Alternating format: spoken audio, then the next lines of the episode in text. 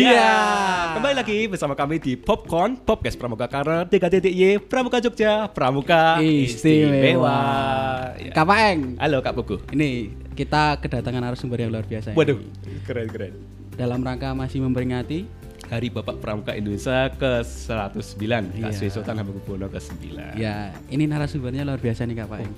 Siapa beliau Kak? Ini dia Kak Gusti Ratu Kanjeng Kan- Ratu Mangkubumi Iya, tepuk tangan.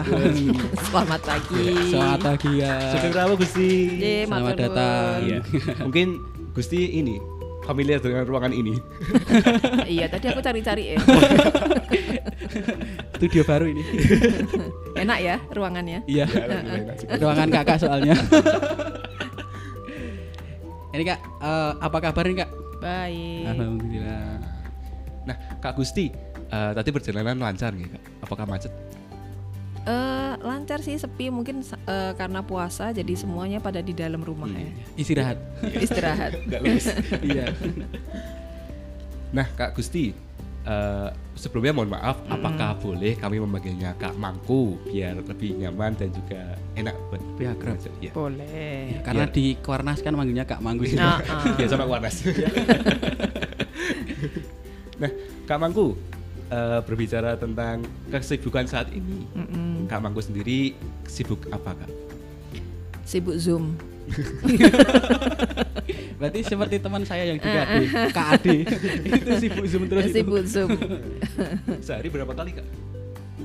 Sehari bisa empat kali, bisa lima kali. Kebetulan eh, minggu kemarin kan eh, full apa? Ada Asia Pacific Summit. Hmm, iya, iya. Kemudian minggu ini uh, tiket to live gitu. Jadi ya uh, bagi saya ya saya kesempatan ya dikasih kesempatan untuk apa namanya untuk bisa bergabung. Kemudian juga saya belajar banyak di situ gitu. Ya anulah pramuka internasional harus kita banyak belajar. Ya, Iya, gitu. Kemudian kesibukan di selain di Kuarda apa aja nih Kak?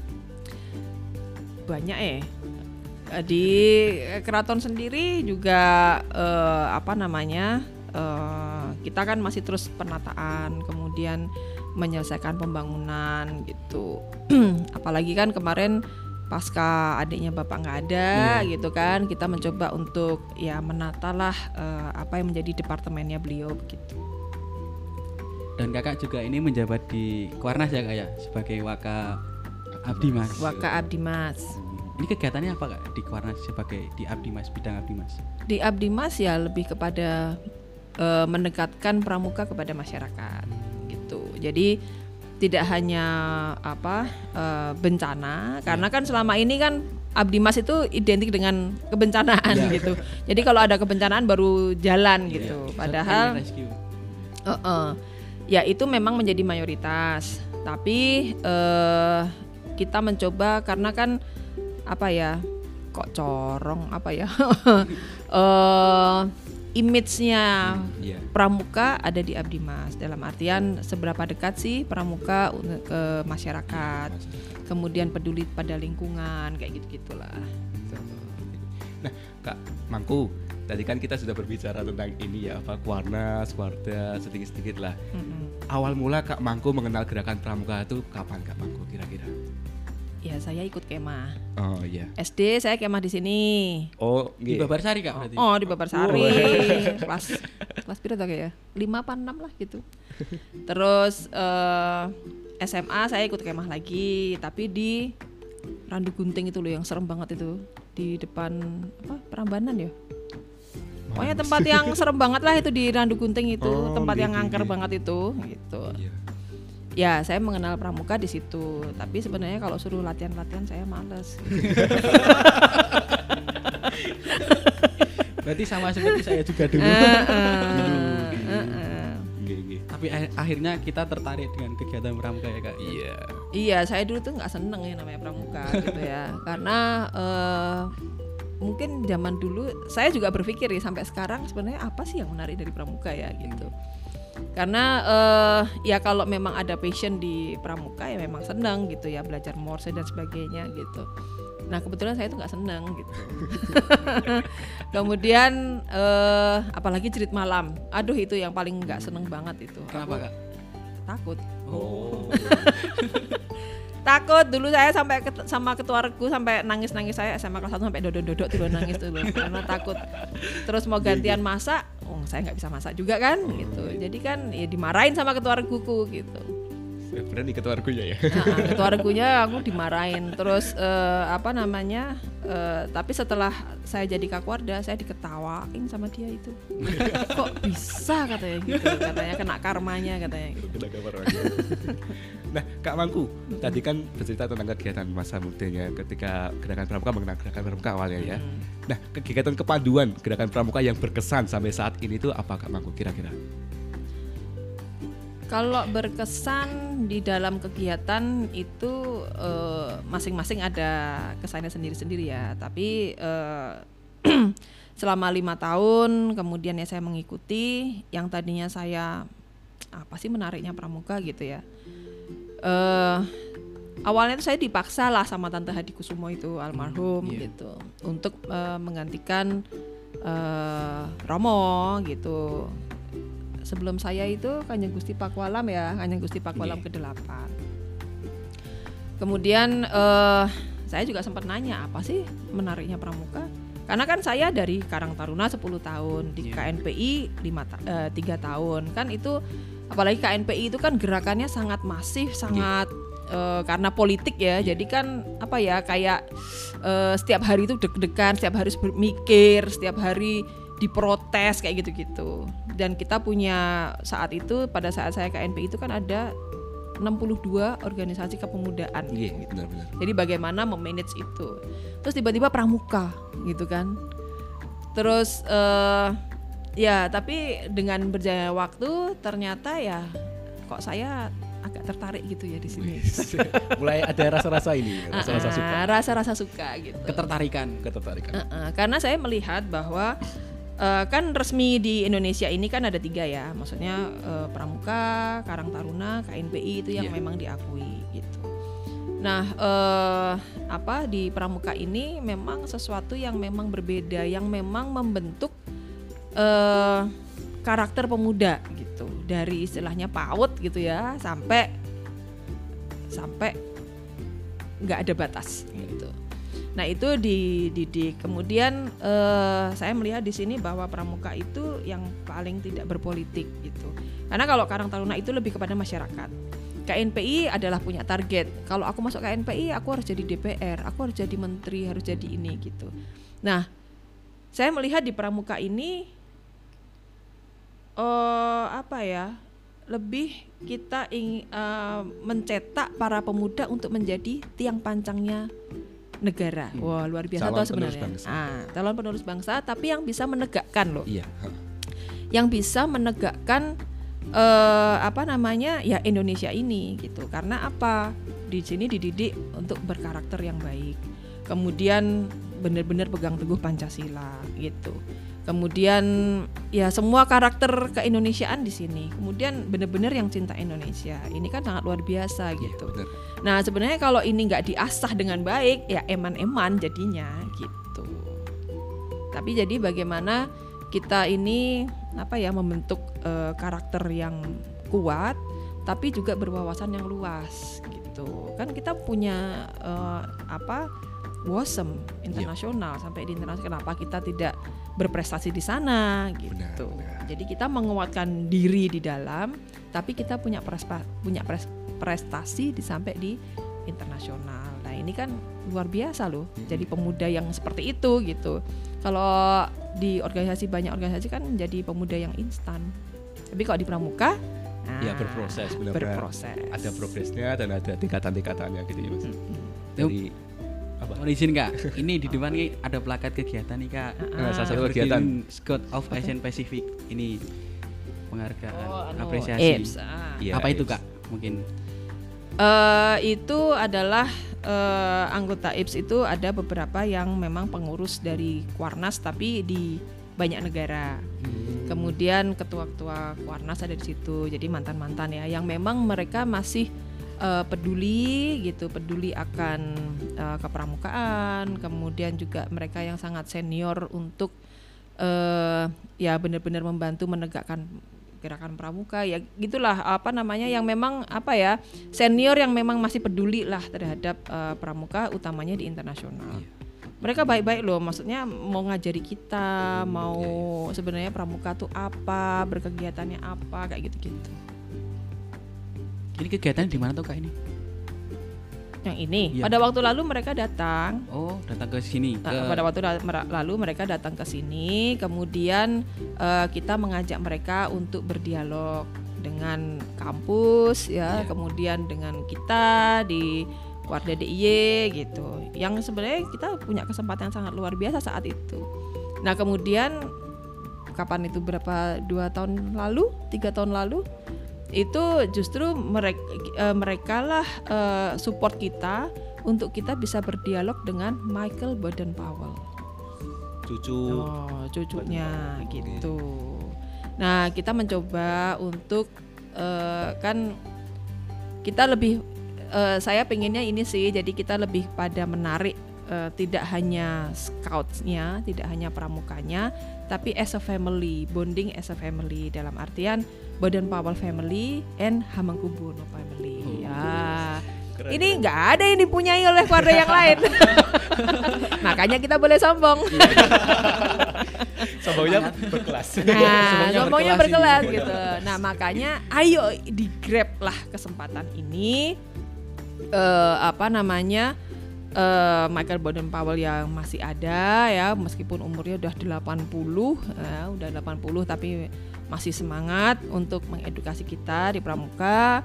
Kemudian eh, kami juga ada di sini. Mo- jadi monggo ini di grab kesempatan gitu. Apa yang eh, apa namanya eh, kegiatan ini supaya DIY bisa majunya tuh kenceng gitu loh karena kesempatan itu banyak banget benar, gitu benar sekali. kesempatannya banyak banget nah King Gustav yang raja Swedia, Swedia. itu berapa waktu lalu saya ketemu. Nah ternyata saya tuh nggak tahu kalau beliau itu ketua yayasannya Scouts gitu. Nah eh setelah selesai sih setelah selesai saya ketemu baru saya tahu kalau dia jadi ketua gitu. Nah dalam artian begini kita, kita punya eh, keluarga DI ini punya relasi yang baik dengan King Gustav dengan Michael Baden Powell ayo ini digunakan oleh keluarga DIY gitu loh jangan Bareng-bareng. aku yang punya ide gitu loh tapi kalian-kalian lah yang punya Iya, ide bersama-sama kita ini Kak. nah saya yang bicara dengan mereka kan begitu Baik, baik. Nah, Gusti, eh, mohon maaf saya Pak Gusti lagi. Kak Mangku. Keceplosan. Kak Mangku, eh, berhubung tema kita pada kali ini adalah Hmm. mengenai Sultan Hamengkubuwono ke-9, Ya. Bapak Pramuka Indonesia. Mm-mm. Kesan-kesan Kak Mangku sendiri tentang Kak Sultan itu bagaimana Kak Gus? Ya tentunya selama di beliau di Pramuka, Iya. saya saat itu ya belum belum involve di Pramuka ya gitu. Mungkin juga belum lahir. Eh, udah deng, Sampun, sampun Kak Mangku. udah deng. masih masih siaga mungkin. Ah, Kak? masih masih siaga mungkin. Nah itu eh, apa namanya? eh ya saya kan belum begitu mengikuti lah menjadi kiprahnya beliau. Tapi eh selama saya di Pramuka, saya mendapatkan cerita banyak lah tentang eh, peran-peran beliau. Kemudian saya juga membaca apa yang menjadi semboyan-semboyan semangat-semangat beliau gitu. Ya memang eh, apa ya eh, beliau tuh ingin yaitu tadi eh, mencetak generasi-generasi yang kuat gitu karena apa kalau posisinya nyunggi Indonesia itu menyangga. mah menyangga wow, pinter Iya, banget iya, ya sama. menjadi tiangnya Indonesia Iya, itu nggak mudah Heeh, nah menjadi tiangnya Indonesia itu tidak mudah gitu. Nah, eh, kemudian juga menjaga Indonesia itu tidak mudah gitu. Nah, makanya eh, semangat-semangat beliau itu lebih kepada menggulirkan ayolah pemuda kalian itu berproses. Jangan menjadi pemuda yang instan. Kurang lebih seperti itu ya dengan eh, pidato-pidatonya beliau. Nah, kemudian juga karena beliau juga eh, apa namanya? posisi ada di Kuada DIY juga gitu kan eh makanya ayo kita kode DI itu harus lebih gitu. benar. nah ini menjadi potensi gitu. Nah eh saya di sini lebih kepada menghantarkan lah, menghantarkan uh, agar Kuarda DI ini lebih maju, kemudian semangat-semangat ataupun harapan-harapan beliau itu juga bisa uh, terwujud gitu. Kalau di uh, Kuarnas ya biarlah Kuarnas ya kan gitu. Tapi bagaimana di Kuarda DIY ini yang sesuai dengan kita mempunyai keistimewaan. Nah, jadi kuadanya juga harus istimewa ya toh? Ya, nah, harus. jadi uh, jadi mungkin perlu di reminder lagi lah tulisan-tulisan uh, yang Sinuwun 9 kalau bisa dibuat poster yang gede-gede gitu agar uh, apa ya kita selalu di reminder akan uh, semangat beliau sebenarnya apa sih harapannya gitu terhadap uh, Pandu Indonesia ini atau Pramuka Indonesia ini ke internasional gitu. Nah, mungkin Gusti kan uh, kok Gusti lagi ya Allah, ya Allah. Kak Mangku, Kak Mangku kan sering jalan-jalan ke luar negeri, hmm. mungkin keluar daerah, keluar provinsi. Adakah ya mungkin menjadi gambaran atau bayangan beliau bayangan Kak Mangku tentang beliau Kak Sultan ini? Uh, banyak sih dalam artian sebenarnya sama mereka punya harapan peng, uh, mereka punya ingin uh, pramuka-pramuka atau kuarda-kuarda di daerah masing-masing itu uh, men, apa semangatnya sama dengan apa yang disampaikan oleh yang Sinuwun gitu ya. Nah, uh, tapi kan tetap aja mereka itu memandang ke DIY yeah. gitu. Jadi ayolah DIY juga yeah. gitu. Jadi harus lebih maju daripada kami selalu begitu. Ya karena kan uh, ada juga kan be, pada waktu masanya beliau jadi Kakwarnas uh, ada juga yang mungkin yang dulunya DKN gitu ya. Yeah, yeah. Kemudian atau mungkin yang pernah dikunjungi di wilayahnya gitu. Nah, itu ternyata sangat melekat gitu ya kenangan yang sekecil apa pun itu sangat uh, melekat di uh, mereka nah itu uh, apa namanya yang mereka memang masih apa ya punya semangat untuk mewujudkan gitu mewujudkan harapan uh, yang sinuan pada masa itu dan yang diwujudkan dalam masa sekarang. Tapi kan juga mereka ini yang dulu mempunyai experience atau pengalaman dengan yang sinuan kan sekarang udah senior. Aku nggak yeah. bilang tua ya udah senior kan gitu. Hanya angka nah, usianya angka. uh, uh, jadi udah senior gitu ya. Jadi kan perlu regenerasi. Nah generasi ini yang berikutnya yang harus juga dipahamkan harus memahami gitu loh jadi supaya apa yang menjadi semangat kemudian apa yang menjadi uh, apa pokoknya di pramuka kemudian apa yang menjadi prestasinya nah ini tiga unsur ini juga harus melekat gitu. Nah ini yang menjadikan kita menjadi pramuka yang sempurna. Gitu. Iya sih. Nah ini kak uh, Gerakan Pramuka adalah sebuah organisasi yang bergerak secara dinamis mm -hmm. dengan perkembangan zaman sehingga tidak dapat dipungkiri adanya modernisasi dalam pramuka. Yeah. Nah ini gimana kak uh, perkembangan zamannya sehingga sa saat ini perkembangannya? Ya uh, sebenarnya dengan masa pandemi ini kan kita dipaksakan ya yeah, untuk yeah. berubah secara drastis gitu. Begitu istilahnya itu begitu melek kita harus berubah gitu. Nah, mak gitu. Jadi kita kan nggak tahu apa yang dimaksud dengan Tuhan memberi pandemi seperti ini iya, kan, yeah, gitu. Yeah. Akhirnya kan uh, apa kita kita dipaksakan untuk akrab dengan teknologi yang tadinya kita ngapain sih setiap bolak-balik kok pakai HP bolak-balik ini gitu. Tapi kan sekarang nggak bisa lepas itu. Tapi satu sisi gitu jadi kita menjadi apa mengkoreksi diri introspeksi diri gitu. Apakah kita sudah menjadi manusia yang baik gitu. Apakah kita menjadi manusia yang uh, apa yang menjadi kurangnya apa yang menjadi lebihnya itu itu lebih kepada koreksi diri uh, diri kita. Kemudian uh, kita juga akhirnya memikirkan kesehatan. Oh iya harus minum vitamin. Harus kembali lagi kita ingat bahwa oh iya ada empon-empon ya gitu kan. Yang tadinya kan nggak ada toh ya kita. Nah terus uh, kita dikembalikan lagi kepada tradisi gitu. Ya toh ya benar. kita harus minum jahe minum empon-empon kita mikirin apa makanan itu harus sehat dan sebagainya sebagainya gitu jadi yang selama ini kita uh selalu dokter uh, obatnya yang canggih-canggih kan iya, gitu bener, bener. tapi ternyata obat tradisional pun bisa biasa ya. gitu iya. nah uh, apa namanya nah uh, suatu tradisi ataupun organisasi mana pun itu harus selalu harus bisa mengikuti perkembangan zaman. perkembangan zaman gitu. Sama dengan di keraton. Adat pun kita bisa mengikuti perkembangan zaman. Yang dulu selalu lisan, akhirnya ada tertulis. Dari tertulis akhirnya sekarang kita dipaksakan untuk me- apa ya mengedukasi masyarakat, me- memahami masyarakat tentang apa yang menjadi budaya yang selama ini tertutup gitu kan. Akhirnya sekarang ada dengan ada media sosial dan sebagainya sebagainya. Akhirnya terinformasi semua kegiatan yang ada di kita.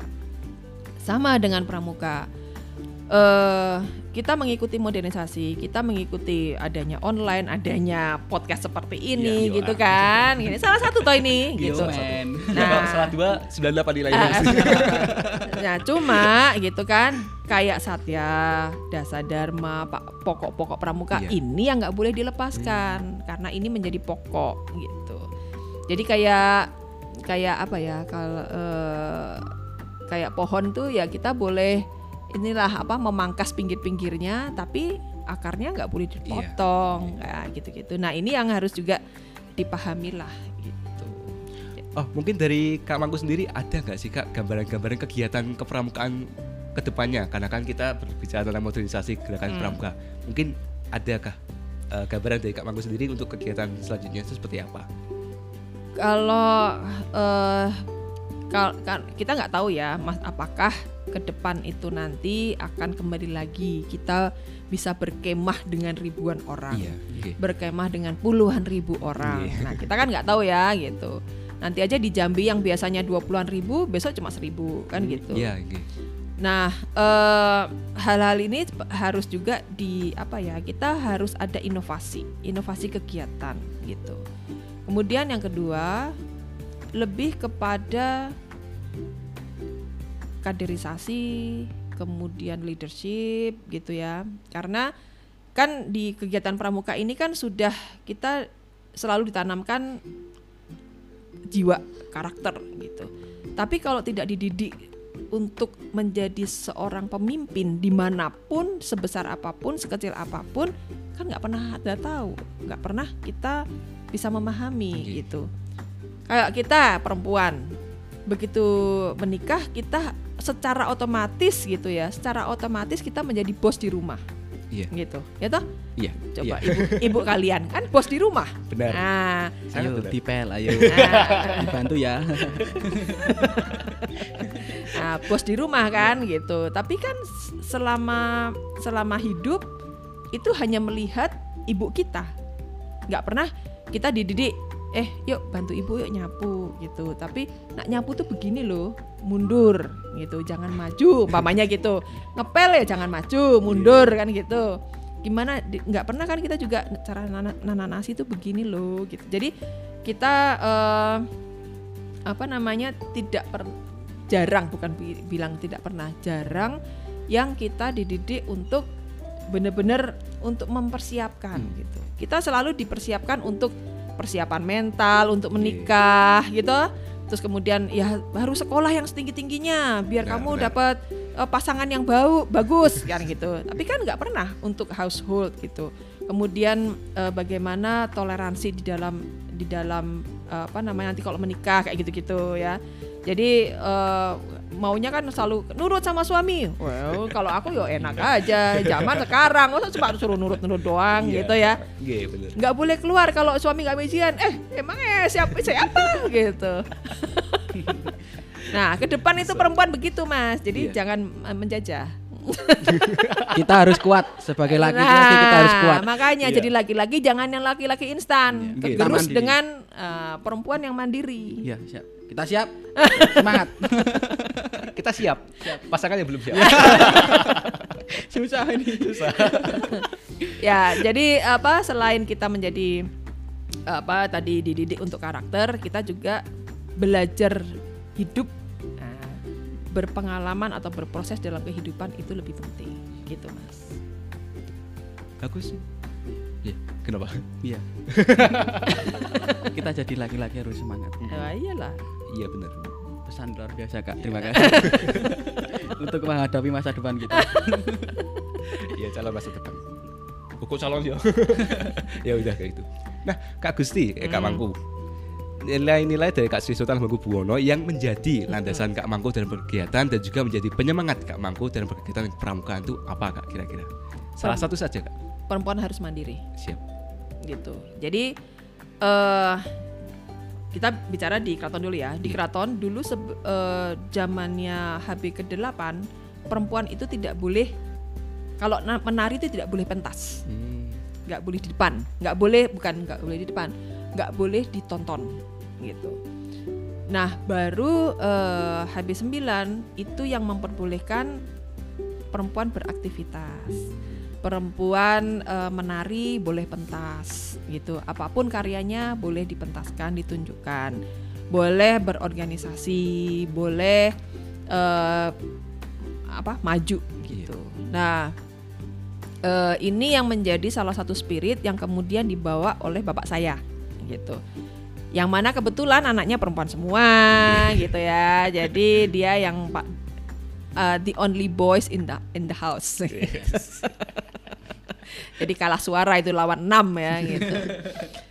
Nah eh, itu yang yang dibawa oleh bapak saya. Jadi makanya eh, kita berlima dan ibu saya diper- diberi ruang, diberi peluang sebesar-besarnya gitu. Nah, mungkin di kalau di kegiatan pramuka bahwa equal gender itu sangat penting gitu. Bukan berarti saling menguasai, bukan, tapi bagaimana saling menghormati dan saling menghargai gitu.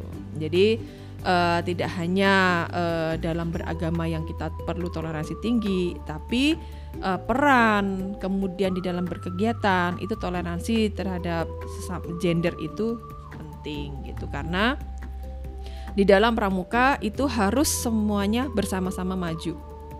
Gitu nggak ada yang laki-laki lebih maju gitu nggak ono mas. Iya. gitu. Jadi bagaimana eh, bersama-sama itu harus eh, eh, maju harus saling membangun eh, apa namanya menjadi eh, pemimpin di masa depan. Gitu. Karena perempuan ke depan makin banyak mas. Iya benar. Mm-mm. Jadi jadi Kak Sultan ini mah menghapus stereotip biasanya ya bahwasanya perempuan itu hanya di rumah hanya menuruti suami dan sebagainya seperti oh itu ya. iyalah Iya, pencetus ini. Eh, pencetus ya Nah, Kak Mangku sendiri, eh, mohon maaf, karena kan kita kan sudah berbicara mengenai modernisasi pramuka, kegiatan pramuka mungkin dari kegiatan Kak Mangku dari awal mulai mengenal. Nah, bahwasanya kami berdua perwakilan ya. perwakilan teman-teman Iya, Dewan Perwakilan Perwakilan.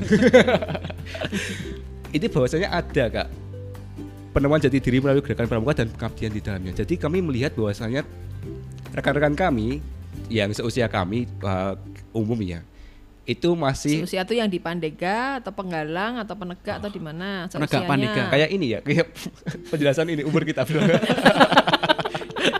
Loh yang mendengarkan kan nggak lihat masnya. oh iya. Oh iya. halo.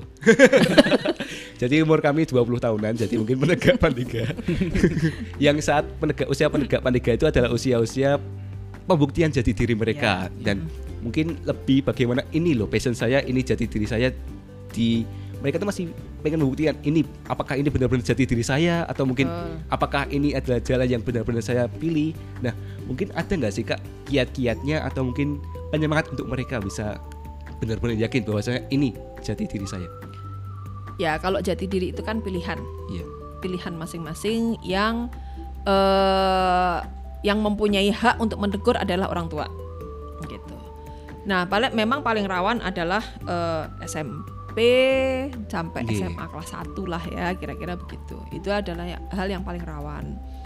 Nah, biasanya memang eh, SMP itu begitu keluar SD itu merasa aku udah gede gitu.